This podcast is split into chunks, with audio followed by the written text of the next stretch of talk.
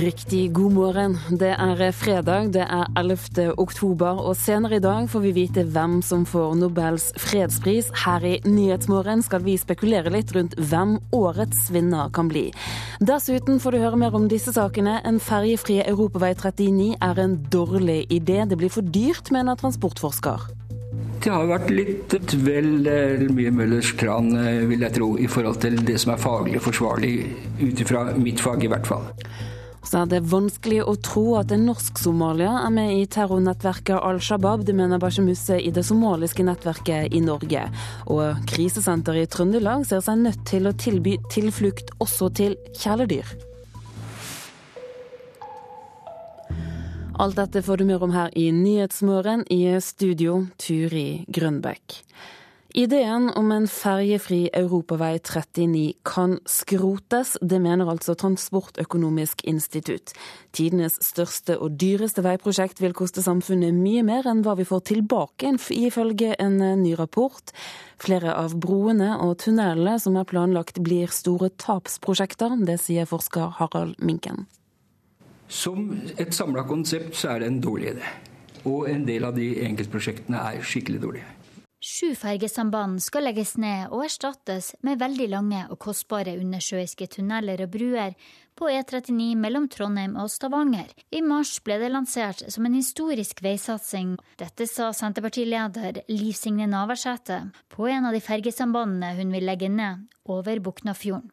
For meg og for alle andre vestlendinger så er det en drøm som eh, nå skal gå i oppfølging. Men denne drømmen vil koste bilister og skattebetalere langt mer enn den smaker.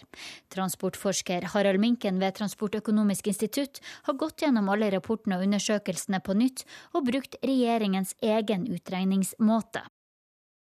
Hvis vi tar nord for Bergen, så er det tre samband som overhodet ikke er samfunnsøkonomisk lønnsomme. Det er ikke mulig å tenke seg at uh, man kan få det til uh, samfunnsøkonomi med noen som helst uh, triks med regneregler, for å si det sånn. Og det er da Halsafjord, det er Romsdalsfjorden og Storfjorden. Mangelen på lokal og regional trafikk er hovedgrunnen til at det ikke lønner seg på store deler av strekninga. Det er Sjømannsforbundet som har bestilt denne rapporten. Informasjonsansvarlig Morten Nøen vil gjerne at de som jobber på fergene fortsatt skal ha en jobb å gå til. Ja, eh, de vil bli arbeidsledige dersom fergene forsvinner. Men de vil alltids finne noe annet arbeid her i landet. Og det er ikke det man må gjøre. Men det er dumt å kaste bort enorme penger på eh, investeringer som ikke gir noe uttelling, når du kunne investert de samme pengene både på et bedre fergealternativ og på veien mellom. Samferdselsminister Marit Arnstad holder fast på fergefri motorvei langs hele vestlandskysten, på tross av at fagfolk mener det er en dårlig idé. Nei, Den rød-grønne regjeringa står fast på ambisjonen om en helhetlig ferjefri og oppgradert E39, på samme måte som vi står fast på ambisjonen om en samla utbygging av et intercity som heller ikke er samfunnsøkonomisk lønnsomt på alle strekningene. At regjeringa fortsatt går inn for dette, når veipengene kunne gjort mye mer nytte for seg på andre måter, har transportforsker Harald Minken vanskeligheter med å forstå. Det har vært litt vel eh, mye Møllers tran, eh, vil jeg tro, i forhold til det som er faglig forsvarlig, ut ifra mitt fag i hvert fall. Reportere her var Linda Reinholdsen og David Krekling.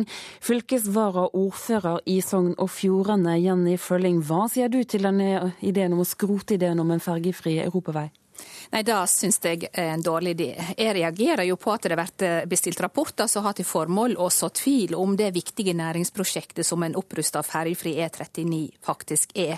Deler av E39 har veldig dårlig veistandard, det er mange ferjer. Og I første tiårsperioden så skal en oppgradere veien, og i neste tiårsperiode så skal en ta ferjene. Og Dette vil bidra til at Vestlandet i sterkere grad kan skape arbeidsplasser og vekst på de store naturressursene som vi har her. Men Du sier at du stusser over formålet med rapporten, men det er forskere fra Transportøkonomisk institutt som har utarbeidet det, og de vet vel hva de snakker om? Ja, de vet nok hva de snakker om, ut ifra de eh, parametere som ligger inne i, i, disse modellene. Men det modellene ikke tar inn over seg, det er det næringspotensialet som blir skapt når du får en god transportåre. For vei er det sterkeste næringspolitiske virkemidlet. Og hva er grunnen til at hver gang en skal beregne bompenger, så bommer en på på trafikktallene. Det er nettopp fordi at en, en god vei, bedre samband, det at du tar bort ei ferje, gir grunnlag for økt vekst, auka arbeidsplasser. At vi kan ta i bruk fisk- og havbruksressursene våre, olje, gass og landbruk, og energi som vi har på Vestlandet. Og vi er en transportretta region. Og det å få redusert reisetida på Vestlandet fra Kristiansand til Trondheim sju til åtte timer. Det betyr noe for lønnsomheten i disse næringene. Men hvorfor må det broer og tunneler til? Hva med å oppgradere veien og ferjene, som du sier, og holde det på det? Ja, Det er første steg, og en bruker eh, ca. 75 milliarder av de 150 til det. Og det neste steg er jo faktisk å bruke ferjebilletten til å bygge bruer, slik at en kan i løpet av 20 år betale ned, og så kjører du ferjefritt. Det syns jeg er en god idé. Og så må en på en måte prioritere de prosjektene som er med å forstørre regionene først, og utvide bo- og arbeidsområder, sånn at en bygger dette fortløpende. Hva hvis Vestlandet ikke får en ferjefri europavei? Da går Norge glipp av at vi kan øke verdiskapinga vår på de store naturressursene vi har. Da vil en øke presset mot byene. Det må være en god idé å ha en balansert utvikling i, i Norge, slik at en kan både ta i bruk naturressursene og òg lette presset på byområder. Men en må både investere i infrastruktur i by, men òg langs vestlandskysten. Og du håper at det blir begge deler? Jeg håper det blir begge deler. Jenny Følling, takk for at du var med oss her i Nyhetsmorgen. Nå til Høyre i Nordland, Troms og Finnmark, som ønsker seg at landsdelen blir tydelig representert i den nye regjeringen. Flere nordnorske navn er spilt inn til Erna Solberg. Dette er folk hun bør ta med som ministre og statssekretærer. Det mener Elisabeth Aspaker fra Troms. Ja, Det er jo ingen tvil om at partiet i, i Nord-Norge fra alle tre fylkene har eh, lansert eh, kandidater og beskrevet deres kvalifikasjoner. Sånn at eh, jeg har veldig god tro på at også Nord-Norge kommer til å være representert i det nye regjeringsapparatet. Blir du ny utdanningsminister, f.eks.? ja. Det vet du at det klassiske svaret på det spørsmålet at det er det, er det kun Erna Solberg som vet. Nord-Norge har vært svakt representert i flere tidligere regjeringer, uavhengig av hvilke parti som har hatt makta. Nå vil Høyre i nord ha flere fra landsdelen i den nye blå-blå regjeringa, sier nyvalgt stortingsrepresentant Margunn Ebbesen fra Nordland. Vi har så mye dyktige folk her nord at det skulle bare mangle at ikke vi syns at vi burde hatt flere statsråder. Men igjen så er det jo Erna som bestemmer. Vi har spilt det inn, og vi får se hva som skjer. I løpet av neste uke så vet vi om vi har én eller fem. Byrådsleder Øyvind Hilmarsen i Tromsø mener Erna Solberg bør ta med Elisabeth Aspaker i regjeringskabalen sin. Ja, absolutt. Jeg tror Elisabeth Aspaker vil være en fremragende eh, kunnskapsminister for eh, Norge. Vi håper alle og krysser fingrene for at eh, Erna Solberg gjør de rette valgene nå. Reporter i saken, det var Øystein Antonsen. Det er skremmende å høre at en nordmann med somalisk bakgrunn nå er mistenkt for å ha vært involvert i terrorangrepet i Kenya, der 67 personer ble drept i et kjøpesenter. Det mener Bashemuse i det somaliske nettverket i Norge. Han har vanskelig for å tro at en norsk-somalier kan være en del av terrornettverket til Al Shabaab. Jeg tror ikke på en måte at noen med somalisk opprinnelse av norske somaliere eh, kunne være en del av en del av eh, terroristgrupper. Det sier altså Bashe Mosse i det somaliske nettverket i Norge. Han var på reisefot da vi snakket med ham i går kveld, og denne nyheten fra PST hadde han bare fått med seg fra nettavisene. Vi har startet etterforskning for å avklare om en navngitt norsk person eh, har knytning til Al Shabaab og om han var involvert i angrepet på Westgate tidligere i september. Jeg kjenner ingen som har reist ut for å krige. Vi tar avstand fra Al Shabaab, sier Mosse. Og jeg vet jo liksom holdningen til Al Shabaab. De fleste somaliere, alle somaliere i Norge som jeg kjenner, har jo da tar jo sterk avstand. Eh, vi har per i dag nesten ingen sympatisører. Vi har eh, ingen som støtter aktivt Al Shabaab. Så det syns jeg liksom at det er veldig viktig eh, å understreke at det norske somaliske miljøet er eh, ikke eh, kan være da en slik situasjon at man kan på en måte spekulere liksom at det er på en måte støtter eller er en del av Al-Shabaab. Men PST har altså fått informasjon om noe annet. en norsk statsborger i 20-årene med somalisk bakgrunn, skal ha vært med på terrorangrepet mot kjøpesenteret Westgate i Nairobi. Terrororganisasjonen Al Shabaab har for lengst påtatt seg ansvaret for aksjonen, som krevde 67 liv. Det er usikkert om nordmannen lever. PST er på plass i Nairobi for å få svar. Jeg syns det er vanskelig å si noe mer nå. Det gjenstår å se hva PST finner ut, sier Mosse. Det er veldig skremmende faktisk at, liksom at sånne skjer. Eh, men vi vet jo ikke hva dette liksom, om det er sant eller ikke, så det syns jeg er litt viktig. Og Vi avventer da til eh, politiet gjør den jobben. da. Det er en sak som etterforskes av politiet, så da syns jeg liksom at politiet skal gjøre jobben sin. Det er det jeg syns er litt viktig å forholde seg til. Reporter, det var Hans Jørgen Solli. Den fastlåste budsjettkrisen i USA kan gå mot en løsning etter møtet mellom demokrater og republikanere i Representantenes hus. Partene er ikke enige, men forhandlingene de er fortsatt i natt for å finne løsninger for de tusenvis av statsansatte som ikke har noe arbeid å gå til. Ifølge nyhetsbyrået Reuters skal partene være enige om å øke USAs kortsiktige gjeld, men republikanerne nekter å godkjenne Obamas budsjett fordi det finansierer helsereformen Obamacare. Vi skal se nærmere på dagens avisforsider. Lukkede asylmottak er apartheid. Det mener barnepsykolog Magne Raundalen, som tror den egentlige bakgrunnen med slike lukkede mottak er å gjemme bort asylsøkerne. Det sier han til Vårt Land. I Politianalysen er det snakk om å sentralisere politiet og legge ned en rekke politidistrikt. Nå går forskere ved Politihøgskolen til frontalangrep på analysen, og mener forskere er ignorert, og advarer mot at politiet kan bli svekket. Det er forsideoppslaget i Klassekampen. Erna Solberg og Jens Stoltenberg er begge på forsiden av Dagbladet. Avisen skriver om økonomiske feller som kan ligge i statsbudsjettet, som blir lagt frem førstkommende mandag. Dagsavisen slår opp en kronikk og et intervju med en overlevende etter Utøya. Det handler om å være ensom blant mange. Flere barn fødes med abstinenser, det skriver Bergens Tidende. Ifølge avisen er det økende antall nyfødte som trenger hjelp fordi mødrene har vært i LRA-behandling. Milliardløft for Norge, heter det på forsiden av Dagens Næringsliv. Det handler om en svakere krone som kan løfte norsk verdiskaping. Og Noe av det samme har de merket seg i Nasjonen, og skriver at eksport gir gode tider for tømmer. Utenlandsk industri betaler for tiden bedre enn norsk, skriver avisen. Aftenposten forteller historien om en cubansk danser som er superstjerne i hjemlandet, som har hoppet av for å danse i Norge. Og VG har gjort en stor test av matvarer, og konklusjonen på forsiden den er klar. Billigere mat er dårligere. Det norske herrelandslaget i fotball har trent lite på dødballer, det som kan ha kostet Norge en plass i VM. Ifølge dødballansvarlig Frode Grodås så har ikke den nye landslagssjefen prioritert dette før VM-kvalifiseringskampen mot Slovenia i kveld. Ikke så veldig mye. Skulle ønske du hadde gjort det mer? Nei, det, det, det er prioritering som er gjort av, av, av Per-Mathias og, og, sånn, så det, det kommer jeg inn på. Hjørnespark, frispark og innkast har ført til seks av ni baklengsmål i VM-kvalifiseringen.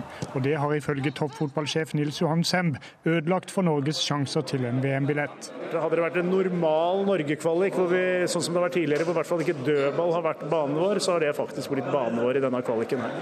Keepertrener og dødballansvarlig Frode Grodås er enig i at dette er et problem. Det, det er unødvendig. Det er unødvendig. Og litt overraska er jeg, for det, vi, vi skal være bra på det. Da skulle man tro at trening på dødballer ville vært en prioritet på landslagssamlingen denne uka, men ifølge flere av spillerne har det ikke vært et stort tema, blant dem Rune Almenning Jarstein. Nei, vi, har ikke snakka så mye om det. Vi, vi, gikk litt gjennom det tidligere, da vi keeperne. Eh, også, men eh, vi kommer nok til å snakke litt mer om det og retta på det. Nils Johan Semb tror Per-Mathias Høgmo og resten av landslagsledelsen har nok fokus på dødballene før de siste VM-kvalifiseringskampene, som må vinnes for å ha en mikroskopisk sjanse sjanse til å nå omspill om VM. Så jeg føler meg, jeg føler meg veldig trygg på det, at eh, de har tatt, tatt det på alvor. Og jeg syns de er godt forberedt på det området også. Reportere her, Anders Røve Bentsen og Geir Elle. Kampen den hører du direkte i NRK P1 i kveld fra klokken 20.34. Klokken har akkurat passert 6.45. Du lytter til Nyhetsmorgen. Dette er noen av hovedsakene i dag. Vestlandet fortsetter å håpe på en ferjefri europavei 39-strekning, men en slik ferjefri motorvei er en dårlig idé, mener transportforsker. Det er vanskelig å tro at en norsk-somalier er med i Al Shabaab-nettverket. Det mener Bashe i det somaliske nettverket i Norge. Og Bli med oss videre i sendingen, for hvert år så er nordmann opptatt av hvem som får Nobels litteraturpris, men eh, prisen betyr sjelden noe for salgstallene. Nå først til norsk fiskerinæring, som er på full fart inn i et alvorlig kriseår. Både fiskerne og industrien sier at 2014 blir et svært vanskelig år økonomisk. Lederen i Fiskarlaget Nord, Sigvald Berntsen, sier problemene gjør at ungdommen vender ryggen til næringen. Jeg er mer bekymra for, for, den rekrutteringa vi skal inn til næringa med sånne svære bølgedaler. For det her blir vi å komme gjennom om en to-tre år, men uh, på den tida har vi ikke kunnet fortelle de gode historiene. og Det kan gjøre noe med den rekrutteringa vi må ha inn til næringa, som allerede er dårlig. Verken industrien eller fiskerne har hatt et godt økonomisk år i år pga. lave fiskepriser.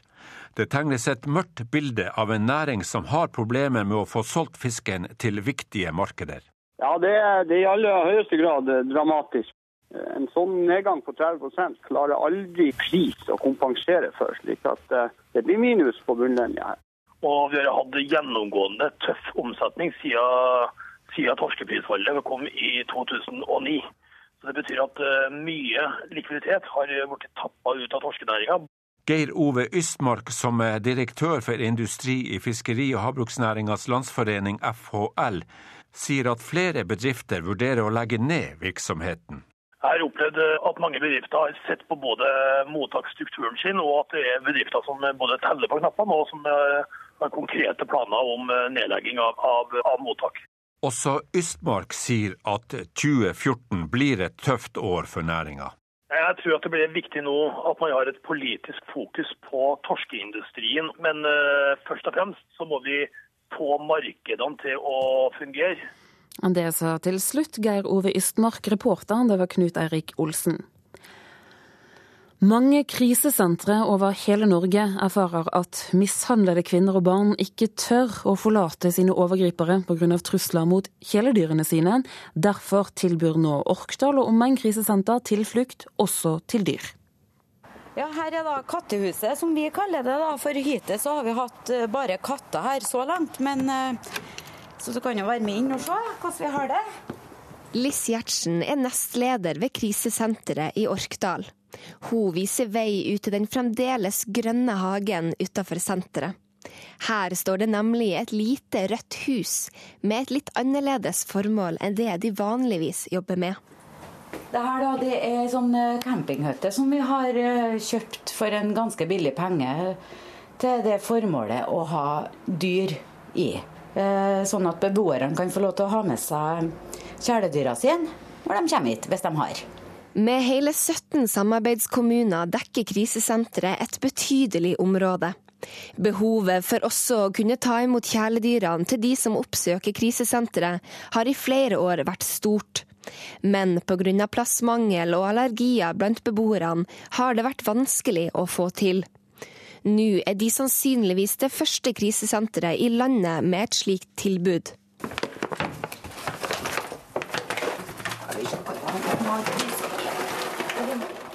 Det er ikke så greit for alle sammen å reise fra kjæledyra sine. Det har vi sett mange ganger at eh, det er noe av det verste de gjør. I hvert fall unger spesielt. Som uh, skriker og vil hjem igjen til dyret sitt, katta si, fordi at de er redd at en pappa skal ta livet av katta når de har flytta ut. Så øh, nå har de muligheten her da, til å få ta med seg dyret, så slipper de den bekymringa, i hvert fall i en veldig vanskelig situasjon.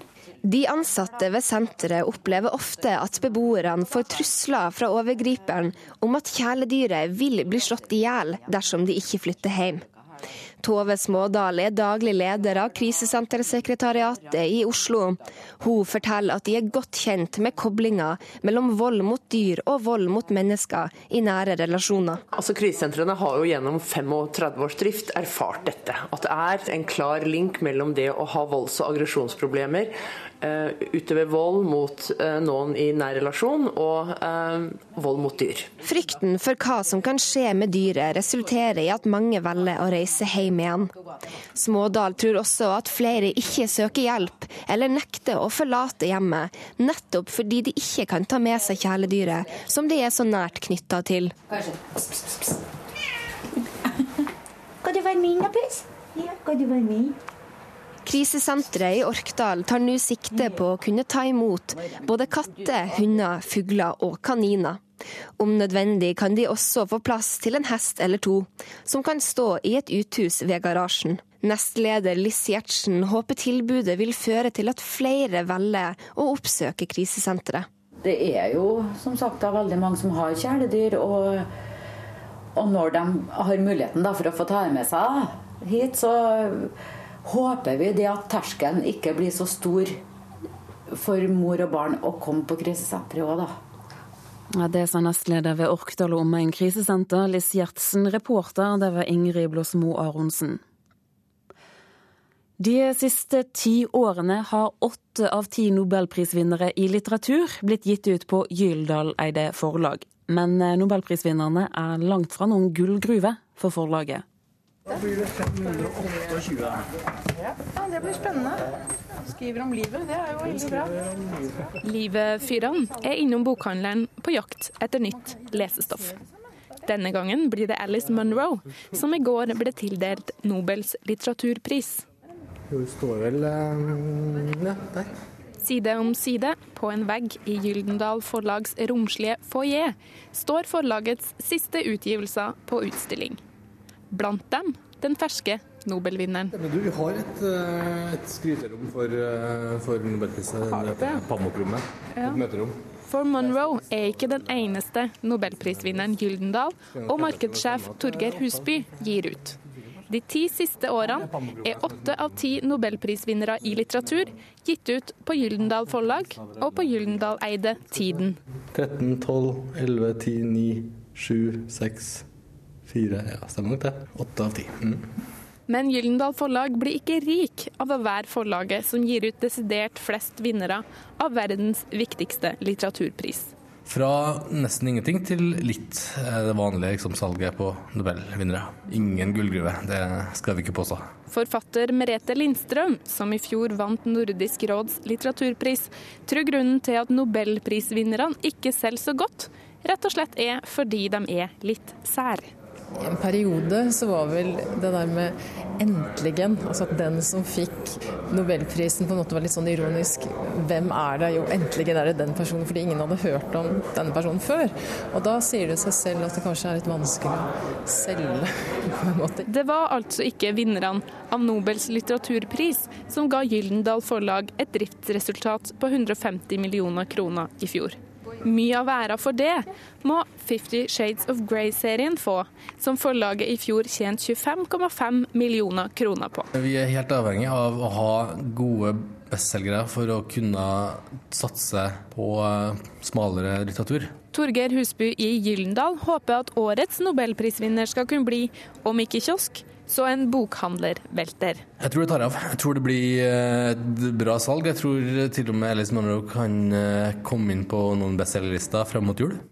Reportere det var Pål Buseth og Helga Rongstad. Norges minste kommune, Utsira, feirer 100-årsjubileet for kvinners stemmerett med et nytt teaterstykke om det som var et oppsiktsvekkende kvinnekupp i 1925. Den gang overtok kvinnene 11 av 12 plasser i herredsstyret. Norge fikk sin første kvinnelige ordfører. Men nå viser det seg at historien slett ikke handler om kvinnesak.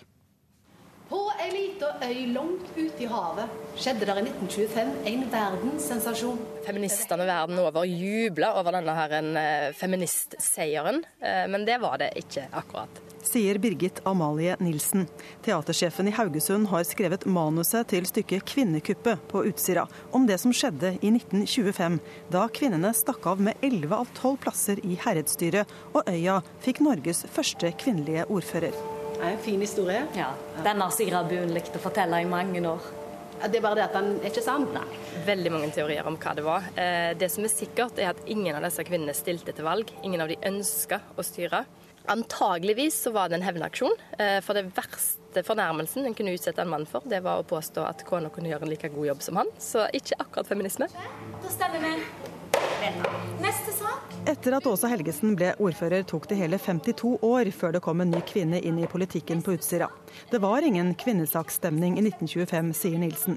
De fleste heller til teorien om at kvinnekuppet var regissert av menn som ville hevne seg på det sittende styret, som hadde startet jakten på skattesvindlere i bygda. Da var det én familie spesielt som ble forfulgt, og som følte at det var veldig urettferdig. Jeg er jo, holdt jeg på å si, tredje generasjon, jeg. Etter de såkalte ulvene som snaut uh, Utsira kommune for uh, såkalte skattepenger. Og det er jo ingen tvil om hva som er den direkte årsaken til at det ble et kvinnestyre i 1925. Det er jo den såkalte skattesaken. Det sier Leif Klovning. Det var Klovning-familien mot Helgesen-familien, nord mot sør. Skattesaken førte til både rettssaker, skam og splid, og sentralt i det hele sto Leif Klovnings bestefar Sven. Min onkel Sverre han sa det da, at bestefar han hadde vært stemt, og at han, hadde, han stemte på, på kvinnelisten. Og da var det for å få skifta ut de som hadde sittet der, ikke sant? Det det ja, så det var jo for å få deg vekk. At Kvinnekuppet blir teater i året for 100-årsfeiringen av kvinners stemmerett, det blir litt søkt, synes Leif Klovning. Men altså vinklingen i forhold til kvinnesak og den biten der, den, den syns det blir litt dum, altså. Jeg syns det, altså. Manusforfatter Birgit Amalie Nilsen mener det er på sin plass at Utsira kommune og Den kulturelle skolesekken har bestilt dette stykket for å bevisstgjøre ungdom. Aller viktigste for oss med stykket er å si at sannhet er relativt. Så vi påstår ikke lenger at vi skal fortelle sannheten om kvinnekuppet på Utsira. Ja, reporter her, det var Anette Johansen Espeland. Lederen for Mira-senteret, Fakra Salimi, får Plan Norges jentepris for i år. Mira-senteret er ressurssenteret for innvandrer- og flyktningkvinner. Og Fakra Salimi får prisen for sitt arbeid for minoritetsjenters rettigheter i Norge, og for å skape forståelse for norsk kultur i innvandrermiljøer.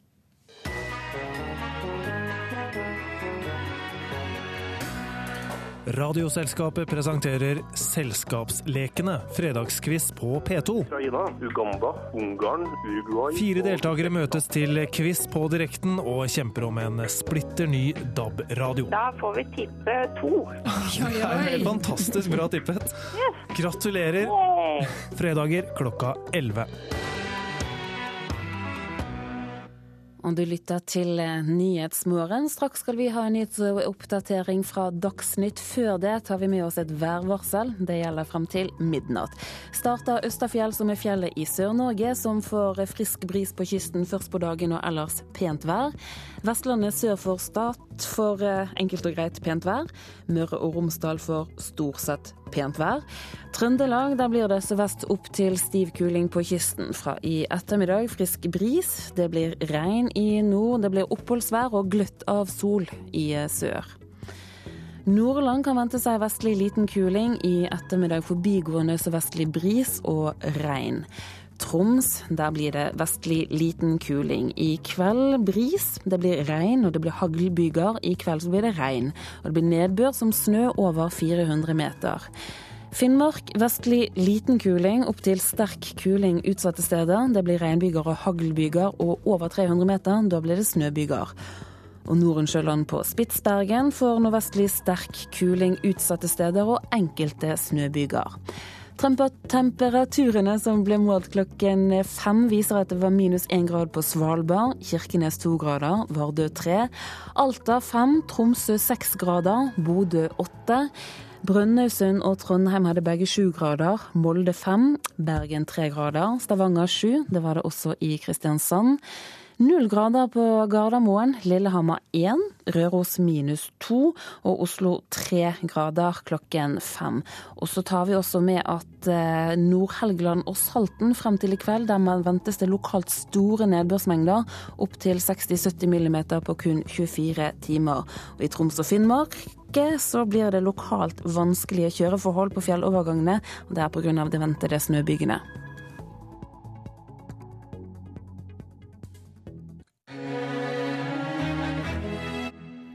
Du lytter til Nyhetsmorgen. Vi skal snakke mer om generell væpning av politiet nå.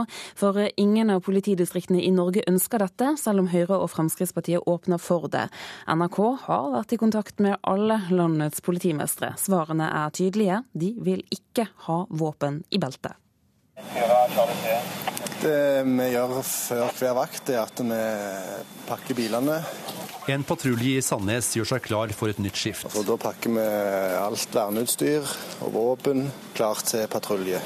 Helt forskriftsmessig blir våpen låst ned i bilen. Det som på politispråket kalles fremskutt lagring. Men Høyre og Frp vil væpne politiet mer, slik fagforeningen Politiets Fellesforbund krever. I regjeringserklæringen står det at partiene vil åpne for generell bevæpning, altså våpen i beltet, og at det skal være opp til hvert politidistrikt å avgjøre. NRK har ringt og sendt e-post til alle politimestrene i Norge. Vi har spurt. Ønsker du en generell bevæpning i ditt distrikt? Ingen svarer ja. Fem svarer at de avventer, og resten, altså 22 av 27 politimestre, ønsker ikke det Høyre og Frp vil gi dem. Politimesteren i Rogaland, Hans Vik, uttrykker det slik. F.eks. unger henvender seg til en patruljerende politimann eller -kvinne, så skal de møte ei hånd i hoftehøyde og ikke en pistol. Det er fem skudd, det er fem mål du skal skyte på. I Gudbrandsdalen driver politiet skytetrening. Politimesteren her, Arne Hammersmark, er skeptisk til forslaget, og mener en generell bevæpning vil forandre politiets arbeidsmetode. Bevæpning vil få at eh, vi i hvert fall må legge om eh, mye av den polititaktikken vi har i dag.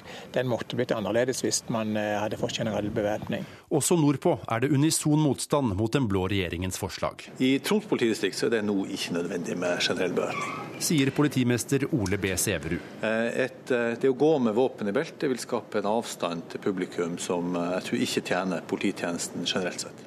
Politidistriktene som er avventende til en generell bevæpning, er Østfold, Søndre Buskerud, Romerike, Vest-Oppland og Haugaland og Sunnhordland. Resten er imot. Et flertall av politimestrene er dessuten skeptiske til forslaget om at hvert politidistrikt skal få bestemme. Politimester i Oslo Hans Sverre Sjøvold svarer i en e-post. Vi kan ikke ha et system hvor en så grunnleggende endring overlates til den enkelte politimester. Det synspunktet får gjenklang hos Hammersmark i Gudbrandsdalen. Hvis man har lest eh, disse rapportene etter 22.7, så skriker jo det etter standardisering. At politiet må standardisere sine prosedyrer på alt mulig. Dette må være sentralisert i fra direktorat og departement, slik at det blir felles regelverk i hele Norge. Ja, denne reportasjen var laget av Fredrik Lauritzen, Helle Fjelldal og Martin Sontag, og verken Høyre eller Fremskrittspartiet hadde anledning til å komme i studio og kommentere saken, men mer om dette kan du lese på nrk.no. Sigve Bolstad, du er leder i Politiets Fellesforbund. Dere ønsker mer væpning. Hva synes du da om at politimestrene er negative til generell bevæpning? Ja, så Jeg er ydmyk. Det er veldig gode argumenter for, og det er veldig gode argumenter imot. Politiets Fellesforbund torde å ta debatten. Eh, vi brukte lang tid på debatten. Eh, vi hadde et eh, eksterne samarbeidspartnere som skanna både internasjonalt og nasjonalt. Og det endte opp med et flertall i Molde i fjor etter en verdig og god debatt, der 71 var for og 53 var imot. Ergo så er Politiets Fellesforbund av den formening at vi skal jobbe for en generell bevæpning av norsk politi. Hva mener du? Jeg personlig eh, har stemt eh, for en generell bevæpning av eh, norsk politi. Det er på bakgrunn av en rekke signal vi har fått fra det ganske land eh, i forhold til at det er behov for å ta opp det temaet. Jeg er stolt av at Politiets Fellesforbund tok opp et så ømfintlig og vanskelige tema som det som er, går på en generell bevæpning av norsk politi. Hvorfor er det så ømfintlig og så vanskelig? Ja, det, det, kommer jo frem fra noen av de politimestrene som vi her eh, hører. Det går litt på holdning, det går på kultur, det går på nærhet i forhold til eh, publikum. Men mitt og flertallets eh, argument er at det er behov for et verktøy til i verktøyskrinet. Den debatten her ble ikke tatt på bakgrunn av en tragisk hendelse, slik som det har vært noen andre steder. Ja, hva slags arbeidshverdag er det politifolk beskriver som tar til orde for mer bevæpning? Det som er viktig å presisere her, det er at det er i forbindelse med det hendelsesstyrte eh, man risikerer å ikke ha kontroll på situasjonen. Eh, og det går ikke bare på egensikkerheten. Eh, det går først og fremst i forhold til publikum. Man står i en situasjon der det er behov for et ekstra verktøy i verktøyskrinet. Det vil antageligvis skje ganske sjeldent, men den gangen det skjer, så vil det være tragisk hvis utfallet kunne vært annerledes. Hvis man nettopp hadde hatt et uh, verktøy som, en, uh, som, et våpen i uh, hånda der og da. Da ville kritikken ha kommet hvorfor politiet ikke klarte å gjøre mer. Den situasjonen ønsker ikke Politiets Fellesforbund at publikum skal bli satt i. Dette behovet du beskriver her, og dette flertallet i Fellesforbundet, hvordan henger det sammen med denne skepsisen vi hører fra politimestrene her? Ja, altså, Jeg skjønner at det er en skepsis, for det er en omledning, som flere sier. Eh, men hvis man tar litt historikk, går tilbake, altså hvis man går tilbake ti år, så ville det med fremskutt lagring i kjøretøyene av både etthånds og tohånds våpen vært helt usannsynlig. Så dessverre så går utviklinga i den retning at uh, man antageligvis i framtida vil se et generelt bevæpna norsk politi. Det er ikke ønskelig i utgangspunktet, men dessverre så kan det vise seg å være en nødvendighet. Sigve Bolstad, takk for at du var med oss her i Nyhetsmorgen, leder i Politiets Fellesforbund. Det er bare timer igjen til vi får vite hvem som får Nobels fredspris. Den 16 år gamle pakistanske jenten Malala får etter alt å dømme ikke prisen. Blant favorittene nå er en FN-støttet organisasjon som overvåker forbudet mot kjemiske våpen. Det ville vært grensesprengende og historisk om 16 år gamle Malala Yousufzai fikk Nobels fredspris. Men etter det NRK kjenner til, blir det ikke den tapre jenta fra Swat-dalen i Pakistan som ble skutt av Taliban, som får utmerkelsen. En organisasjon kan bli hedret i år. Unesco skal bidra til fred og sikkerhet ved å fremme internasjonalt samarbeid gjennom utdanning, vitenskap og kultur. Også Unicef er kandidat. Det samme er OPCW, FN-organisasjonen som overvåker det internasjonale forbudet mot kjemiske våpen. Syrias kjemiske våpen skal plasseres under internasjonal kontroll og deretter ødelegges. OPCW skal ha tilgang til Syria og overvåke at alle våpnene er blitt innlevert. Deretter skal de ødelegges. Norge har blitt bedt om å bidra. Også i år er Hviterusslands fremste politiske fange blant favorittene. Ales Bialatskij er menneskerettighetsforkjemperen som har rapportert grove overtramp fra regimet i Europas siste diktatur. Nobels fredspris kan også havne i Afrika. Den kongolesiske legen Dennis Mukwege helbreder kvinner som er voldtatt og lemlestet. Reporter her, det var Fredrik Solvang. Formann i Nobelkomiteen Torbjørn Jagland. Det er altså bare noen timer til du åpner dørene. Du får blitsreddene og verdenspressen rett i fleisen. Hvilket navn skal du si? Ja, det får du vite klokken 11, da. Det som jeg kan si, er at komiteen eh, føler seg veldig fortrolig med den beslutningen vi har kommet fram til. Den eh, vil stå seg veldig godt, tror jeg, i Nobelhistorien og også i tiden. Ingen liten ting. Bare litt mer om dette øyeblikket med blitsregnet. Hvordan oppleves det? Nei, jeg opplever egentlig ikke, for jeg må jo bare konsentrere meg om det jeg skal si. Eh, vi har jo en erklæring som eh, Nobelkomiteen eh, er blitt enige om ord for ord. Så det er min oppgave da å lese den opp. Det er klart at det er en prøvelse på den måten at jeg gjør det Jeg vet at jeg gjør det overfor en hel verden, men det er det jeg må konsentrere meg Jeg ser ikke de folkene som er i salen. Fredsbegrepet, det er flere som har snakket om at det er litt omstridt. Hvordan definerer dere i Nobelkomiteen det? Det er en fredspris. Ja, vi må forholde oss til det som Alfred Nobel skrev i sitt testament. og Der er det jo tre kriterier. Eh, I dagens forståelse av det så er det jo at det skal gå til eh, den som har sammenkalt fredskongresser, som Alfred Nobel eh, snakket om, det har jo i dag blitt definert som de som ønsker å sette folk rundt bordet for å løse konflikter, eller FN-institusjoner, den type ting. EU var jo etter min oppfatning en kontinuerlig fredskongress. Den skal gå til eh, folk som eh, har arbeidet for å redusere de stående hærer. Eh, I dagens betydning betyr jo det nedrustnings- og, og kontroll med våpenkontroll. Og det tredje kriteriet det er jo det som skaper brorskap mellom nasjonene, og det går jo også rett inn i mm, ja, personer som har fått eh, fredspriser mange ganger før, eller organisasjoner som har eh, bidratt til akkurat det målet med å bringe nasjonene sammen i organisasjoner eller gjennom forhandlingsprosesser. Og årets vinner er en som kan, du kan si ja til alle disse tre kriteriene på? Det, ja, det tror jeg nok er fullt mulig, men det er i hvert fall helt sikkert at denne vil eh, knyttes sterkt an til um, Alfred Nobels testamente. Det er veldig viktig for oss bestandig. Men det er jo veldig mange veier til fred, og derfor så blir det jo ofte litt uh, altså, diskusjon om det. Fordi det er uenighet om hvilke veier, og hvilke veier som er best. Så da blir det alltid disku, diskusjon. Men det er ikke liksom én bestemt vei som kan eh, utpekes. Torbjørn Jagland, takk skal du ha. Om noen timer får vi altså vite det. Men eh, vi skal spekulere litt til, vi. For Christian Berg Harpviken, du er direktør for Institutt for fredsforskning. Jagland vil altså ikke si noe. Hva tror du? Du, jeg holder en uh, knapp på uh, den pakistanske jenta Malala Yousufzai, som definitivt har uh, hatt et år i år da hun har inspirert en hel verden. Hun har med sin tale i FN på 16-årsdagen sin i sommer holdt den talen som kanskje har beveget flest. Hun er ung, mange er bekymret over det, men jeg synes nok at Malala allerede har vist verden at hun har skuldre som kan bære en nobelpris, og ikke minst at hun kan være en god advokat for prisen.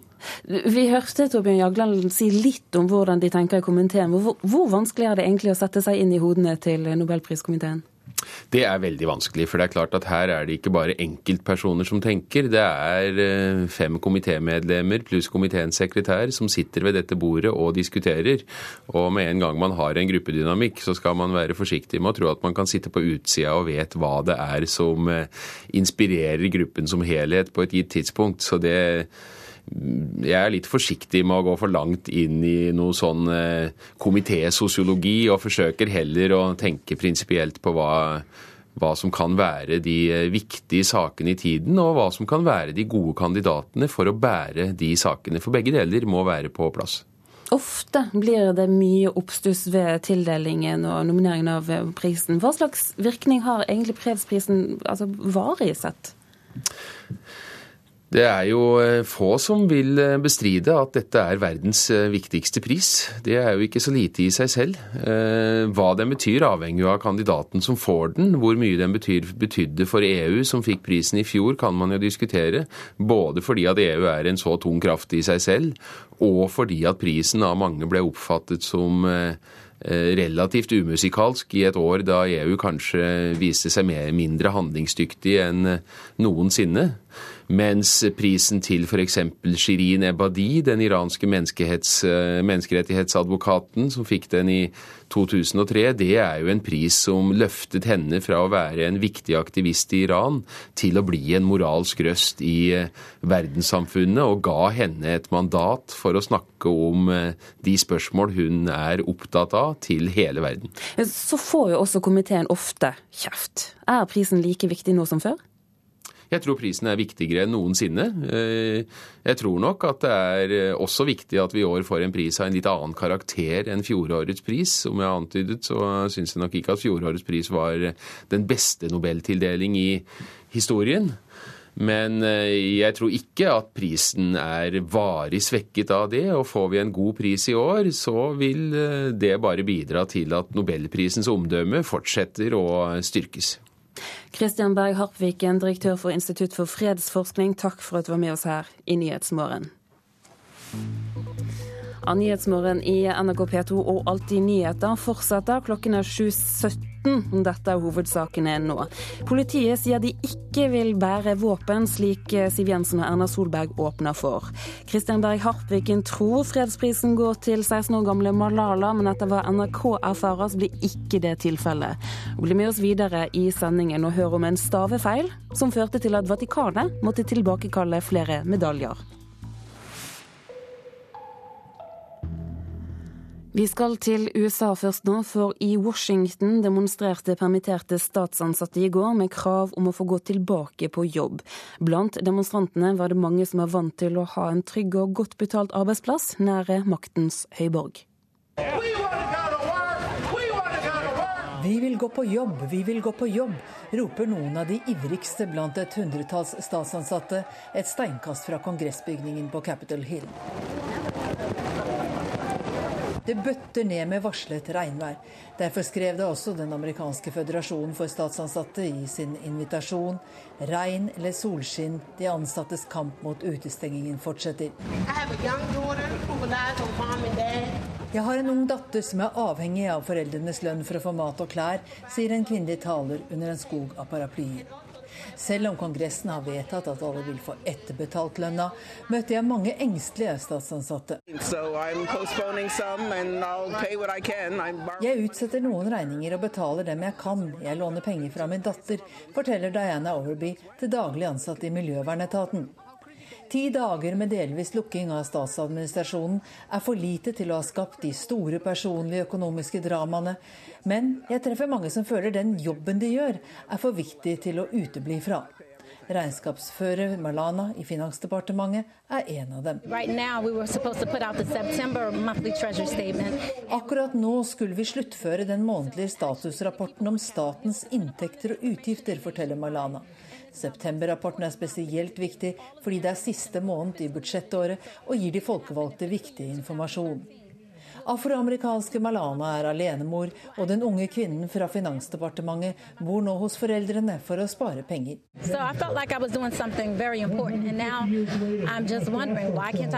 Jeg føler at jobben min er veldig viktig. Hvorfor kan jeg ikke jobbe, spør Malana retorisk.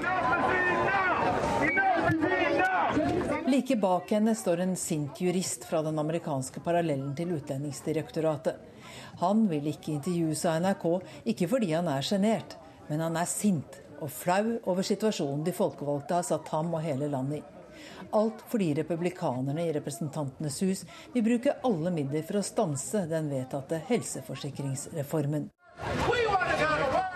Ja, var, det var vår USA-korrespondent Gro Holm som eh, møtte permitterte statsansatte i USA. Men eh, siste nytt fra USA nå sier at det er optimisme i forhandlingene om budsjettkrisen og en økning av USAs gjeld. Samtalene de fortsetter, og nå tror både republikanere og demokrater på en løsning. The president is happy that cooler heads uh, at least seem to be prevailing in the House. President Barack Obama er glad for at mer fornuftige personer nå ser ut til å dominere blant republikanerne i Representantenes hus, sier den amerikanske presidentens talsmann Jay Carney. Han understreker at de siste forhandlingene har vært positive, og at det nå ser ut til å være politisk mulig å heve USAs gjeldstak, i hvert fall midlertidig. President Obama har flere ganger understreket at både USA og resten av verden kan stå overfor dramatiske økonomiske nedgangstider hvis USA ikke skulle bli i stand til å betale for seg. Hvis det ikke blir tatt opp nye lån, ville den amerikanske sentralbanken slippe opp for penger om fem dager. Også børsene reagerer positivt på den siste utviklingen. And the information we got today of a short-term resolution clearly is positive news. Informasjonen om at USA trolig kan ta opp nye midlertidige lån, er helt klart gode nyheter, sier Jonathan Corpina, som arbeider på New York-børsen for selskapet Meridian Equity Partners. Republikanerne og demokratene har ennå ikke inngått noen avtale, men klimaet i samtalene har tydeligvis blitt bedre etter at forhandlingene har vært fullstendig fastlåste i lang tid. Det sa Jan Espen Kruse. Så skal vi se på dagens avisforsider, vi. Vi starter med Vårt Land, som har overskriften 'Lukkede asylmottak er apartheid'. og Det mener barnepsykolog Magne Raundalen. Han tror den egentlige bakgrunnen med slike lukkede mottak er å gjemme bort asylsøkerne. I Politianalysen så er det snakk om å sentralisere politiet og legge ned en rekke politidistrikt. Nå går forskere ved Politihøgskolen til frontalangrep på analysen, mener forskere er ignorert og advarer mot at politiet kan bli svekket. Dette er forsideoppslaget i Klassekampen.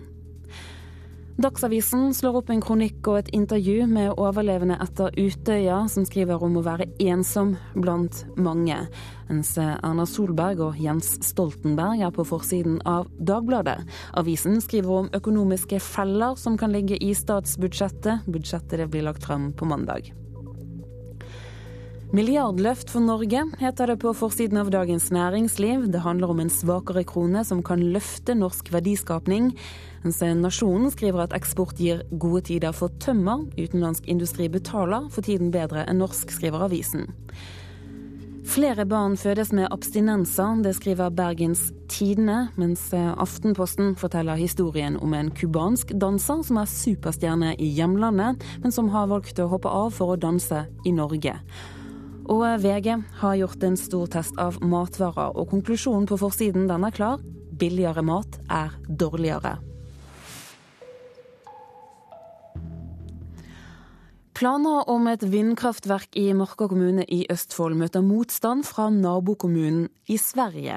En utredning viser at vindmøller på norsk side vil være synlig langt over grensen. Kommunestyret i Årgjeng mener det vil påvirke et viktig friluftsområde negativt. Det sier ordfører Katarina Johannessen.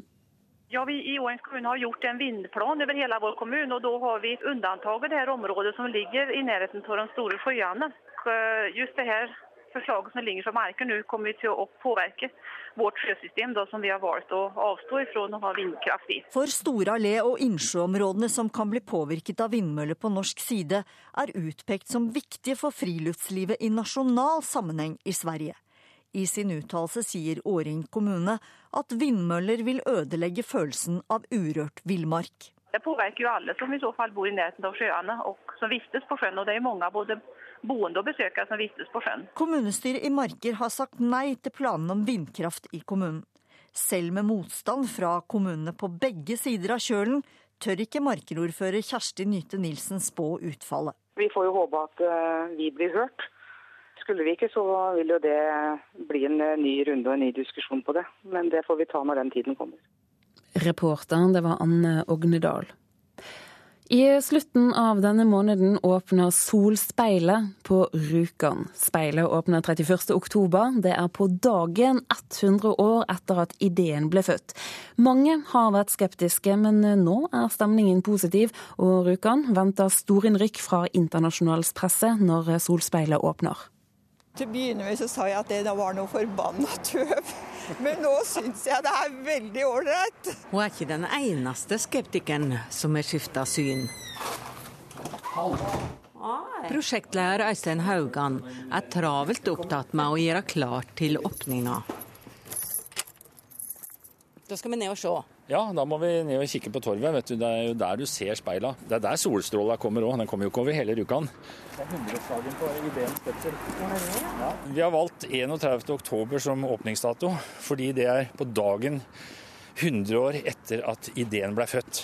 Da skrev Oskar Kittelsen om dette i Rjukan-avisa. Martin Andersen han øh, syns også dette med solspeil og få litt sol ned til Rjukan-folk kunne vært et fantastisk prosjekt. Og det var han som dro det hele i gang. Han starta med det i 2003, og så la han fram et forprosjekt noen år etterpå. I det forprosjektet så konkluderte han faktisk med at dette lar seg gjøre innenfor en eh, kostnadsramme på ca. 5 millioner. Og det stemte. Mange har vært skeptiske, og mange har skiftet mening etter hvert. Når vi går på gata på Rjukan, kommer det stadig bort folk og spør hvordan det går. Spente, nysgjerrige og ikke så lite stolte. Ja vel, ja. Håper det blir brukbart vær. Ja, det må vi ha, da. Ja, nemlig. Så kan ikke du ordne det? da? Nei, jeg klarer ikke det, jeg, vet du. Selv om vi har sola litt lengre på Miland enn dere har den her. Til å begynne med så sa jeg at det var noe forbanna tøv. Men nå syns jeg det er veldig ålreit. Det er jo spennende, da. Og det vil jo skje noe her på Rjukan. Tidligere ordfører Øystein Dale mener det er bra at Rjukan og Tinn blir sett på kartet på en så positiv måte. Øystein? Ja, jeg syns det er et fantastisk tiltak. Nå skal vi endelig få sol ned i Rjukan. Men det blir jo bare en liten flekk, da? Ja, men det, lyset kommer ned, vet du. Og det er det viktigste. Da holder vi oss våkne. Jeg husker jo når vi vokste opp her på Rjukan og hørte om solspeil og sånt, så, så var liksom det en sånn ganske vill idé som selv Sameide ikke greide å få til, liksom. Så vi tenkte vel mer at det var som et lite eventyr, men kanskje akkurat det det er. At vi greier å skape et lite eventyr. Ja. Ja. Det er litt sånn å tenke utafor A4. Tørre å satse litt, tørre å ta risiko. Nå har vi altså kommet ned på torget, og her ser vi bare noen svarte skjermer på toppen. Ja, og nå står speilet i såkalt hvilestilling. For det er nemlig slik at hvis det blir forferdelig russevær, så, så er det jo ikke noe vise at de står eh, i den vanlige stillingen, så da legger de seg litt ned. Men eh, når dette da blir slått på og styres av computeren som er her nede på torget, eh, så vil det altså følge solas bane, og så vil det fungere som en eh, teaterspott. Sånn at her vi står nå, så kan vi risikere 80% sollys. Som jeg sa til deg før, på sommerstid så kan du stå og sole deg sugover, og så kan du bli brun både fram og bak. Ja, er ikke det flott, da? Ja. Vi kommer til å lage en liten backup først, hvor vi bl.a. leier inn et helikopter som eh, kjører opp og ned. Altså at vi rett og slett tester det ut en dag det er fint vær i forkant av åpningen, og filmer det. Eh, Og hvis det da mot formodning skulle bli dårlig vær hele den uka som vi inviterer internasjonal presse her, så, så har vi en backup å kunne gi de. Her, her, her har dere en liten film som viser hvordan det fungerer. Vanligvis så forholder jeg meg til NRK Østafjells og, og Rjukan Arbeiderblad, Varden og Thea, liksom. Og plutselig så ringer eh, New York Times pariserkontor. Reuter. eh, Jeg har snakka med National Geographic, vi har snakka med Radio Canada. Og dette her begynte å bli såpass svært. Ting kommune har rett og slett leid inn Kjell Gunnar Dale eh, som presseansvarlig kontakt. For han er jo proff. Han er jo pressesjef både i Holmenkollen og Bislett og hva det måtte være. Så han veit åssen man skal behandle internasjonal presse. Og reporter her, det var Anne Longvik. Vatikanet tilbakekaller over 6000 medaljer i gull, sølv og bronse. Disse ble utgitt i forbindelse med at pave Frans den første overtok som pave etter pave Benedikt den 16. Og et portrett av Frans den første prydet medaljens ene side. Den andre siden hadde en latinsk tekst som oversatt sa Jesus sa 'følg meg'. Problemet det var at man hadde kommet i skade for å stave Frelserens navn med L istedenfor bokstaven J. Vatikanet meddeler nå at heldigvis var det kun fire medaljer med navnet Lesus som ble solgt før fadesen ble oppdaget. Og dette var hører du altså om i Nyhetsmorgen i NRK P2 og Alltid nyheter. Her blir det straks eh, Dagsnytt med Tone Nordahl. Det er eh, Kari Bekken Larsen som produserer Nyhetsmorgen i dag. Her i studio, Turi Grønbekk.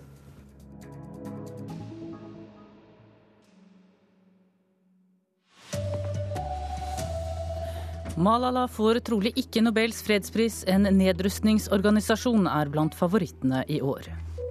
Den nye regjeringen vil væpne politiet, men ingen av landets politimestre ønsker seg det. Og ferjefri E39 blir for dyrt. Planene bør stoppes, mener Transportøkonomisk institutt.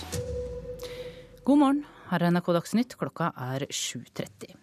Ja, I formiddag er verdens øyne rettet mot Oslo for et lite øyeblikk, når det skal kunngjøres hvem som får Nobels fredspris. 16 år gamle Malala, som kjemper for jenters rett til å gå på skole, har vært nevnt som favoritt lenge. Men hun får etter alt å dømme ikke årets pris. Prisen kan gå til en nedrustningsorganisasjon i år. Det ville vært grensesprengende og historisk om 16 år gamle Malala Yousufzai fikk Nobels fredspris. Men etter det NRK kjenner til, blir det ikke den tapre jenta fra Swatdalen i Pakistan som ble skutt av Taliban, som får utmerkelsen. En organisasjon kan bli hedret i år. Unesco skal bidra til fred og sikkerhet ved å fremme internasjonalt samarbeid gjennom utdanning, vitenskap og kultur. Også Unicef er kandidat. Det samme er OPCW, organisasjonen som overvåker det internasjonale forbudet mot kjemiske våpen. Syrias kjemiske våpen skal plasseres under internasjonal kontroll og deretter ødelegges. OPCW skal ha tilgang til Syria og overvåke at alle våpnene er blitt innlevert. Deretter skal de ødelegges. Norge har blitt bedt om å bidra. Også i år er Hviterusslands fremste politiske fange blant favorittene. Ales Bialatskij, er menneskerettighetsforkjemperen som har rapportert grove overtramp fra regimet i Europas siste diktatur. Nobels fredspris kan også havne i Afrika. Den kongolesiske legen Dennis Mukwege helbreder kvinner som er voldtatt og lemlestet. Det sa reporter Fredrik Solvang. Ja, Formann i Nobelkomiteen Torbjørn Jagland, velkommen. Du står her nå og vet svaret på det vi lurer på. Jeg skal ikke spørre hvilket navn du skal komme med i kunngjøringen klokka 11, men i hvilken grad vil årets tildeling skape debatt? Ja, Alle fredspriser skaper eh, jo litt debatt. Eh, det ligger i sakens natur. For det er mange veier til fred, og det vil alltid være eh, uenighet om det. Og alle som har arbeid for fred, vil det alltid være noe å utsette på. Sånn at jeg forventer at også i år så blir det litt debatt, og noen vil komme med innvendinger, andre vil komme med sterk støtte. Mange tidligere prisvinnere er kontroversielle. Flere har blod på hendene. I hvilken grad finnes den perfekte kandidaten? Jeg tror ikke den perfekte kandidaten eh, finnes. Eh, for hvis du arbeider aktivt for noe, og særlig når du arbeider for aktivt for fred, så vil det være ofte noe som heftes ved deg. Og Det er jo viktig å være klar over at fredsprisen den gis ikke til det en person eller organisasjon kommer til å gjøre i fremtiden. Den gis til det vedkommende har gjort. Eh, og mange av de fredsprisvinnerne som vi ser, eh, har jo gjort ting som mange i ettertid eh, stiller spørsmålstegn ved. Takk skal du ha, Torbjørn Jagland, og lykke til med den store dagen. NRK-kommentator Knut Magnus Berge, hvem tror du får fredsprisen i år? Det er svært eh, mange gode kandidater i år. Jeg tror en av favorittene er denne organisasjonen OPCW. Eh, spørsmålet om bruken av kjemiske våpen i Syria er det mest brennbare internasjonale spørsmålet nå. Det ville være en klassisk nedrustningspris, og altså eh, svært i tråd med Nobels testamente. Så jeg tror det er en sterk kandidat. Malala har vært favoritt. Hvorfor tror du ikke det blir henne i år? Malala ville vært en populær og spektakulær pris. Eh, men jeg tror at komiteen har vurdert det slik at eh, hun med sine 16 år tross alt er for ung til å bære det ansvaret som det tross alt innebærer og gå rundt som vinner av Nobels fredspris. Takk, Knut Magnus Berge. Vi hører mer til deg også når fredsprisen kunngjøres klokka 11.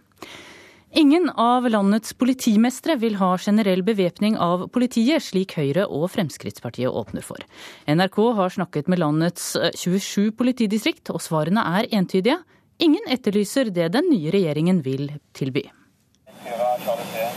Det vi gjør før hver vakt, er at vi pakker bilene. En patrulje i Sandnes gjør seg klar for et nytt skift. Og da pakker vi alt verneutstyr og våpen klar til patrulje. Helt forskriftsmessig blir våpen låst ned i bilen. Det som på politispråket kalles fremskutt lagring. Men Høyre og Frp vil væpne politiet mer, slik fagforeningen Politiets Fellesforbund krever. I regjeringserklæringen står det at partiene vil åpne for generell bevæpning, altså våpen i beltet, og at det skal være opp til hvert politidistrikt å avgjøre. NRK har ringt og sendt e-post til alle politimestrene i Norge. Vi har spurt. Ønsker du en generell bevæpning i ditt distrikt? Ingen svarer ja. Fem svarer at de avventer, og resten, altså 22 av 27 politimestere, ønsker ikke det Høyre og Frp vil gi dem. Politimesteren i Rogaland, Hans Vik, uttrykker det slik. F.eks. unger henvender seg til en patruljerende politimann eller -kvinne, så skal de møte ei hånd i hoftehøyde og ikke en pistol. Det er fem skudd, det er fem mål du skal skyte på. I Gudbrandsdalen driver politiet skytetrening.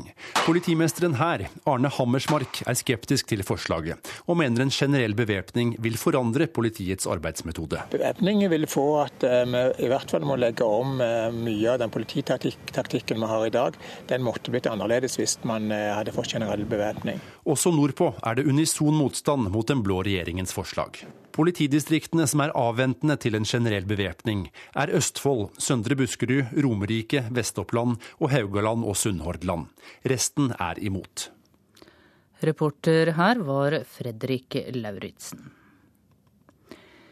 Den påtroppende regjeringen lover avslag på prisen når beboere på langtidsopphold på norske sykehjem må dele rom. Høyres helsepolitiske talsmann Bent Høie sier det er urimelig at man må betale det samme dersom man må bo på dobbeltrom. Planene om en ferjefri europavei 39 bør legges på is, det mener Transportøkonomisk institutt. Tidenes største og dyreste veiprosjekt kommer til å koste samfunnet mye mer enn vi får tilbake, ifølge en ny rapport. Forsker Harald Minken sier dette er et tapsprosjekt. Som et samla konsept så er det en dårlig idé. Og en del av de enkeltprosjektene er skikkelig dårlige. Sju fergesamband skal legges ned og erstattes med veldig lange og kostbare undersjøiske tunneler og bruer på E39 mellom Trondheim og Stavanger. I mars ble det lansert som en historisk veisatsing. Dette sa Senterpartileder Liv Signe Navarsete på en av de fergesambandene hun vil legge ned over Buknafjorden. For meg og for alle andre vestlendinger så er det en drøm som eh, nå skal gå i oppfølging. Men denne drømmen vil koste bilister og skattebetalere langt mer enn den smaker. Det har vært litt vel mye Møllers tran, eh, vil jeg tro, i forhold til det som er faglig forsvarlig, ut ifra mitt fag i hvert fall. Transportforsker Harald Minken ved Transportøkonomisk institutt har gått gjennom alle rapportene og undersøkelsene på nytt, og brukt regjeringens egen utregningsmåte. Hvis vi tar nord for Bergen, så er det tre samband som overhodet ikke er samfunnsøkonomisk lønnsomme. Og Det er da Halsafjord, det er eh, Romsdalsfjorden og Storfjorden. Mangelen på lokal og regional trafikk er hovedgrunnen til at det ikke lønner seg på store deler av strekninga. Samferdselsminister Marit Arnstad holder fast på fergefri motorvei langs hele vestlandskysten, på tross av at fagfolk mener det er en dårlig idé. På samme måte som vi står fast på ambisjonen om en samla utbygging av et intercity, som heller ikke er samfunnsøkonomisk lønnsomt på alle strekningene. Kan lese mer om de ulike enkeltprosjektene på Europavei 39 på nrk.no. Reportere Linda Reinholdsen og David Krekling. Det norske fotballandslaget har trent lite på dødballer, og det kan koste Norge en plass i VM. Frode Grodås sier den nye landslagssjefen ikke har prioritert dette før VM-kvalifiseringskampen mot Slovenia i kveld. Ikke så veldig mye. Skulle ønske du hadde gjort det mer? Nei, det er prioritering som er gjort av eh, Per-Mathias, og det kommer jeg inn på. Hjørnespark, frispark og innkast har ført til seks av ni baklengsmål i VM-kvalifiseringen. Og det har ifølge toppfotballsjef Nils Johan Semb ødelagt for Norges sjanser til en VM-billett. Så har det faktisk blitt baneår i denne kvaliken her. Keepertrener og dødballansvarlig Frode Grodås er enig i at dette er et problem. Det, det er unødvendig. Og litt overraska her, for det, vi, vi skal være bra på det. Da skulle man tro at trening på dødballer ville vært en prioritet på landslagssamlingen denne uka, men ifølge flere av spillerne har det ikke vært et stort tema. Nei, Vi har ikke snakka så mye om det. Vi, vi, gikk litt gjennom det tidligere, da vi keeperne. Men eh, vi kommer nok til å snakke litt mer om det og få retta på det. Ja, det sa målvakt Rune Almenning Jarstein. Reporter her var Geir Elle. Og kampen mellom Norge og Slovenia den hører du direkte i NRK P1 i kveld fra klokka halv ni. Ansvarlig for Dagsnytt denne morgenen er Sven Gullvåg, Per Ivar Nordahl og Tone Nordahl her i studio. Du lytter til Nyhetsmorgen. De neste minuttene skal det handle om fredsprosessen i Colombia. For den snegler seg fremover snart ett år etter at den startet i Norge. Men eh, en slutt på den 50 år lange krigen mellom FARC-geriljaen og regjeringen betyr ikke nødvendigvis fred, mener en av landets fremste menneskerettighetsaktivister. Yo creo que sí necesitamos mucho acompañamiento internacional, no solamente de Noruega, sino de Vi trenger hjelp fra Norge og i resten av det internasjonale samfunnet. Om vi skal få en slutt på 50 år med skitten krig, sier Alirio Oribe Munoz. Den fremtredende advokaten og aktivisten er på europaturné for å fortelle om de store menneskerettighetsutfordringene Colombia står overfor. Oribe er glad for den rollen Norge, sammen med Cuba, Chile og Venezuela, spiller i å få regjeringen i Colombia til å sitte rundt samme bord som lederne for den marxistiske FARC-geriljaen, med mål om å komme fram til en fredsavtale. Men en slutt på krigen betyr ikke nødvendigvis fred, advarer han. Ponerle fin al conflicto armado no necesariamente es la paz. La paz es algo más complejo. 50 år med krig har dekket over de enorme samfunnsproblemene som eksisterer i Colombia, sier Oribe, og peker på organisert kriminalitet, grove menneskerettighetsbrudd og urfolks mangel på politisk innflytelse som viktige områder. Når krigen forsvinner, kommer disse problemene til overflaten. Det blir en utfordring, mener han. Nettopp disse problemene burde i større grad vært trukket inn i de norskfasiliterte forhandlingene, mener Oribe. Sivilsamfunnet, bønder og urfolk, er helt fraværende ved forhandlingsbordet. Proceso. Por ejemplo, las organizaciones sociales critican eh, la no participación. El otro tema es que se está negociando en medio del conflicto. Samtidig som forhandlingene pågår, er det fortsatt krig mellom militære og FARC rundt om i landet. Det prates om fred i Oslo, i Havanna og i Bogotá. Mens på landsbygda ser folk fremdeles bare krig.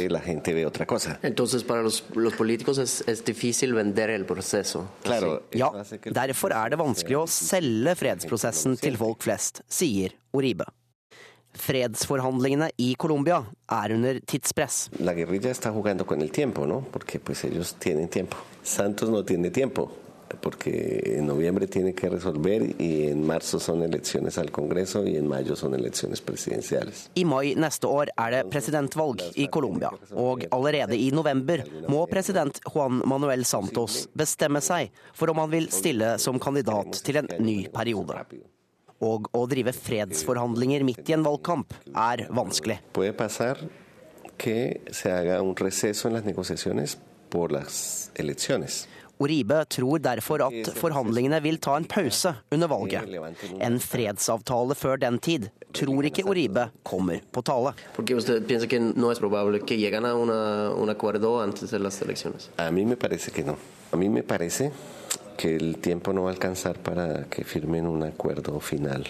Men menneskerettighetsadvokat Alirio Oribe Munoz har troen på at Colombia vil få en fredsavtale som gjør slutt på 50 år med borgerkrig, der fire millioner mennesker er drevet på flukt.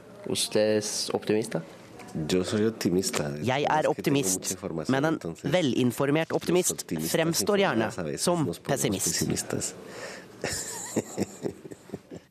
Reporter her, det var Stig Arild Pettersen. Klokken den er 7.44. Du lytter til Nyhetsmorgen i NRK P2 og Alltid nyheter. Hovedsaker denne morgenen er at Malala trolig ikke får fredsprisen. Nå er en av favorittene til Nobels fredspris en nedrustningsorganisasjon. Den nye regjeringen sier de vil væpne politiet, men ingen av landets politimestre ønsker seg det. Og det blir for dyrt med ferjefri europavei 39 langs vestlandskysten. Planene bør stoppes, det mener transportforsker. Og da er det tid for Politisk kvarter. Det skal handle om regjeringskabalen. Og Alf Hartgen, du skal titte Erna og Siv i kortene? Ja, Nå er det bare noen få dager igjen til Solberg presenterer sin nye regjering. Vi skal se litt nærmere på hvilke endringer som vi kan vente oss, og hvem som skal sørge for dem. Og så skal det handle om skolepolitikken, som er noe av det som provoserer Arbeiderpartiet mest i regjeringsdokumentet. Dette er verre enn det vi fikk inntrykk av i valgkampen, sier Trond Giske. Han møter Høyre litt senere i Politisk kvarter.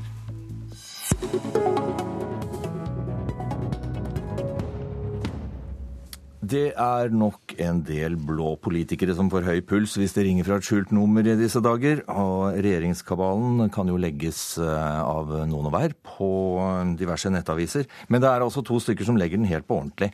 Og politisk reporter her i NRK, Lars Nehru Sand, du har fulgt regjeringsskiftet for NRK. Aller først, hvilke departement synes nå å være fordelt mellom partiene? Høyre kommer til å få utenriksminister, kulturminister, helseminister og kommunalminister. De to siste postene er tiltenkt Bent Høie som helseminister og Jan Tore Sanner som kommunalminister. Sanner får dermed ansvaret for den store kommunereformen. og jobbe frem et forlik i Stortinget om det. Det blir en strategisk viktig post for regjeringen og dens ettermæle, ikke minst. For her ønsker de seg store, omfattende, viktige, varige resultater. Det samme vil de jo for samferdselspolitikken, som Fremskrittspartiet ligger an til å få ansvar for, selv om det innebærer et Frp-ansikt til bomtapet i forhandlingene. Frp vil i tillegg til finansminister Siv Jensen også få justisminister med asylansvar og olje- og energi energiminister, hvor Ketil Solvik-Olsen ligger an til å få den siste posten. Hvem som blir samferdsel- og justisministre, er eh, fortsatt i spill, etter det vi får eh, bekreftet i, i går kveld. Per Sandberg kunne for så vidt tatt begge rollene, men ender trolig Stortinget som parlamentarisk leder, selv om signalene inntil nylig har vært på det motsatte. Hvilke dilemmaer har de stått overfor her? Hvilke, hvilke deler av puslespillet har vært mest problematisk for å få den kabalen til å gå opp, som du ser det? Det er hensyn til veldig mange ting, både kjønn og alder osv. Kabalen har ennå ikke gått helt opp, men mye er på plass, som vi forstår. Eh, nå skal ting researches og screenes, kandidater plukkes ut, og det søkes på nett, og, og man prøver å kartlegge ting man vet og ikke vet til både statsråder og statssekretærposisjoner. Og så vil det arbeidet pågå både i dag og i løpet av helgen. Det er jo også varslet færre departementer, færre statsråder, eh, kommunikasjonsfolk osv. Er, det, er det noen endringer å, å se komme her? Kanskje ikke så store som enkelte av oss har trodd. Eh, det ligger ikke an til større endringer enn reduksjon på kanskje ett eller to departement fra dagens 17. Men mange av fagavdelingene kan bli flyttet fra et departement til et annet. Så det er heller ikke avklart helt ennå om fiskeri og landbruk skal slås sammen. Det argumenteres internt for begge deler. Planen nå er at det kun skal være én statsråd i Utenriksdepartementet, altså at dagens eh, utviklingsministerpost forsvinner. Så forteller også flere kilder at Fornyings- og administrasjonsdepartementet blir endra på et eller annet vis for å synliggjøre at regjeringen er veldig opptatt av eh, fornying, forenkling, modernisering og kanskje aller mest et stort IKT-løft i, i, staten. Det er, det er, et ganske stort bilde, og, men eh, en del virker klart. Men det er en del forbehold du tar her fremdeles? Ja, det må man fortsatt gjøre. For det er klart, et nei på Solbergs telefonrunde vil jo kunne få en dominoeffekt i, i kabalen. Og derfor så vil hun vel heller ikke selv eh, bekrefte at disse endringene trolig skjer onsdag. Men eh, mye henger sammen med mye her. Eh, men, eh, men, det som i hvert fall er klart, er at eh, et nei kan da forrykke både geografifordelingen, kvinnefordeling osv. Så, videre. så eh, det blir vel Solbergs motto blir stående med at eh, ingenting er klart før alt er klart. Ja, når, og når venter vi at alt er klart? Onsdag. Takk skal du ha, Lars eh, Nehru Sand. Vi skal over på skolepolitikken, for den nye regjeringen vil ikke bare si ja til privatskoler, men de vil også øke den offentlige pengestøtten. Når vi husker valgkampen, så var det ikke noe særlig tvil om at dere mente dette ville bli ganske ille, Trond Giske. Og nå sier du altså at dette ser eh, for så vidt enda verre ut enn det gjorde i valgkampen. Hvorfor det? Ja, Dette var jo en av de tingene vi utfordra Høyre og Frp på før valget. Fordi vi har sett i land som har gjennomført en eh, storstilt privatisering, at det fører både til større forskjeller på det tilbudet elevene får, men også til svekka skoleresultater samla sett. Og OECD har også advart sterkt mot eh, en rangering og en eh, forskjell i skolen. Eh, og Da fikk vi til svar bl.a. fra Høyres nestleder Bent Høie, som i Aftenposten sa at hvis nyetablering av privatskoler truer sitat, én eller flere offentlige skoler, så skal de stoppes. Ja, Men det ligger jo i plattformen, nettopp dette hensynet skal tas Nei, til den offentlige stolen? I, i plattformen så heter det eh, helt annerledes, sitat, eh, at regjeringa skal gjeninnføre en lov om frittstående skoler. altså Da kjenner vi en mm. igjen fra 2004-2005, der kravet til formål erstattes med krav til innhold og kvalitet og at skoler som oppfyller vilkårene skal ha rett til slik godkjenning. Så har man riktignok tatt et forbehold om en helhetsvurdering Eh, men dette er jo en helt annen og svakere formulering som eh, i forvaltningsloven, når du åpner for en rett, også vil gjøre at mange mange privatskoler får eh, tillatelse. Og de pengene som går til privatskolene, de tas fra den offentlige skolen. Og i Arbeiderpartiet mener vi at den skolen ikke har for mye penger, vi bør heller satse mer på den offentlige skolen. Elisabeth Aspaker, fram til nå i hvert fall, utdanningspolitisk talskvinne i Høyre.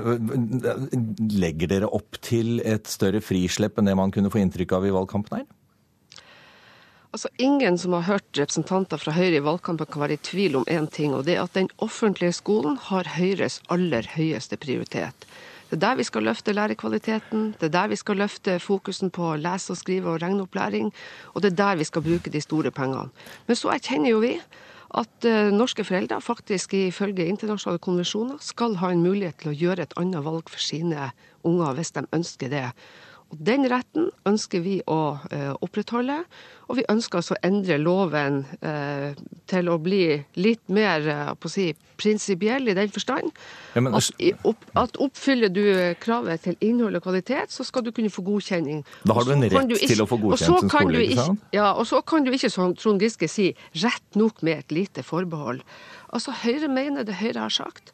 Altså at Dersom det får betydelige konsekvenser for den offentlige skolen, så skal man på det grunnlaget kunne si nei. Hvor betydelig må det være, da? Ja, Det betyr at altså, det er jo ingen løsning for eksempel, å bytte ut altså Hvis man søker om å, si, å vurdere en friskolesøknad dit at det vil bety at du vil slå ut den offentlige skolen. så det er klart at altså, Begrunnelsen er jo også at man skal ha valgfrihet og et mangfold.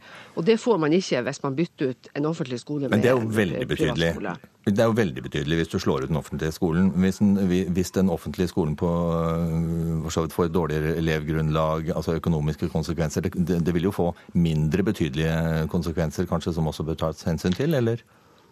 Ja, men altså, en, en, en, elev kan jo ikke gå på mer som én skoleplass. Og en elev som ikke går i den offentlige skolen, eh, si, er ikke en utgift for den offentlige skolen. Og til alt overmål så er det jo faktisk sånn at man får jo ikke med seg mer enn 85% av det det koster å ha en eh, elev i den offentlige skolen. Så den offentlige skolen sitter alltid igjen med et lite overskudd for de elevene de faktisk ikke har. Og det er altså ikke sånn at uh, den offentlige skolen i Norge har noe å frykte etter Høyres skjønn. Altså, Vi har en god offentlig skole. Vi skal sørge for at vi fortsatt har en god, kvalitativ offentlig skole. Så jeg har ikke noe tro på at horder av elever skal søke seg bort. Men det er noen som ønsker et annet tilbud, og det skal vi respektere.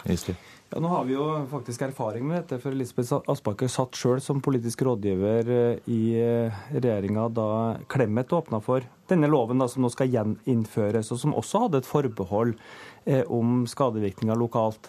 Da var det slik at det ble godkjent over 20 000 plasser i den videregående skolen i private skoler. 13 fylker som hadde sagt nei til dette fordi det ville få alvorlige konsekvenser for skoletilbudet i deres fylke, ble overkjørt av Elisabeth Aspaker og av Høyre. Og Det som skjer, og det så vi den gangen, er jo at de private skolene de skal jo rekruttere mest mulig elever for Eh, for å få elevgrunnlag. De etablerer seg i de store byene. Hver krone som gis i tilskudd til disse skolene, tas fra det offentlige budsjettet. Og det offentlige må da selvsagt legge ned skoler, fordi at, eh, som Elisabeth Aspaker sa, en elev kan ikke gå i to skoler samtidig. Og da er det veldig ofte de marginale skolene som står i fare for å legges ned.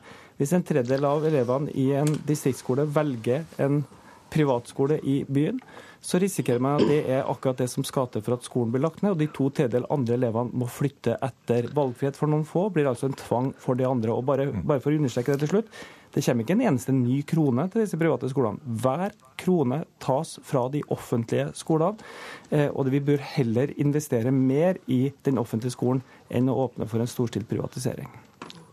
Ja, altså, Høyre skal investere mer i de offentlige skolene, men jeg mener Trond Giske tar helt feil. for Hvis du spør elever i dag hvor de helst vil gå på skole, så er de opptatt av å ha et godt skoletilbud nærmest mulig der man bor.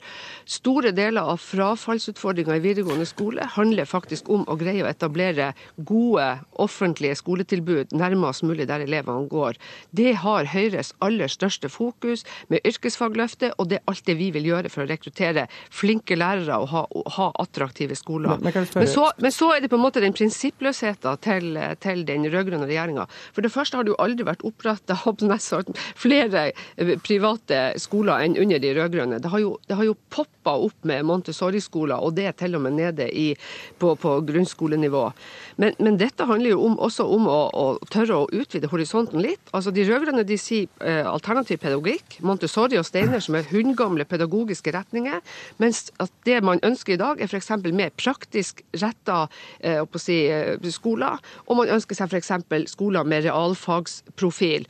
Det sier man nei til, men man heier på toppidretten, og man, og man heier på internasjonale skoler, for der har de rød-grønne ikke hatt mot til å si nei til sånne upopulære men, men tilbud. Det er fullt mulig i dag også å si ja hvis det er et behov som må dekkes. Men det som du innfører når du får en rett til godkjenning, er at man mister helt styringa med hvilket tilbud som gis. Og du, nei, sier at, og du sier at elevene velger lokalt, men problemet er at hvis den lokale skolen er nedlagt fordi en privatskole er oppretta i byen, så har man ikke ja, men, det valget. Er det, er det ikke denne, er det ikke, jo, men et øyeblikk, Aspas. Er det ikke sentralt punkt dette med rest, en, en rettighet til å opprette en skole?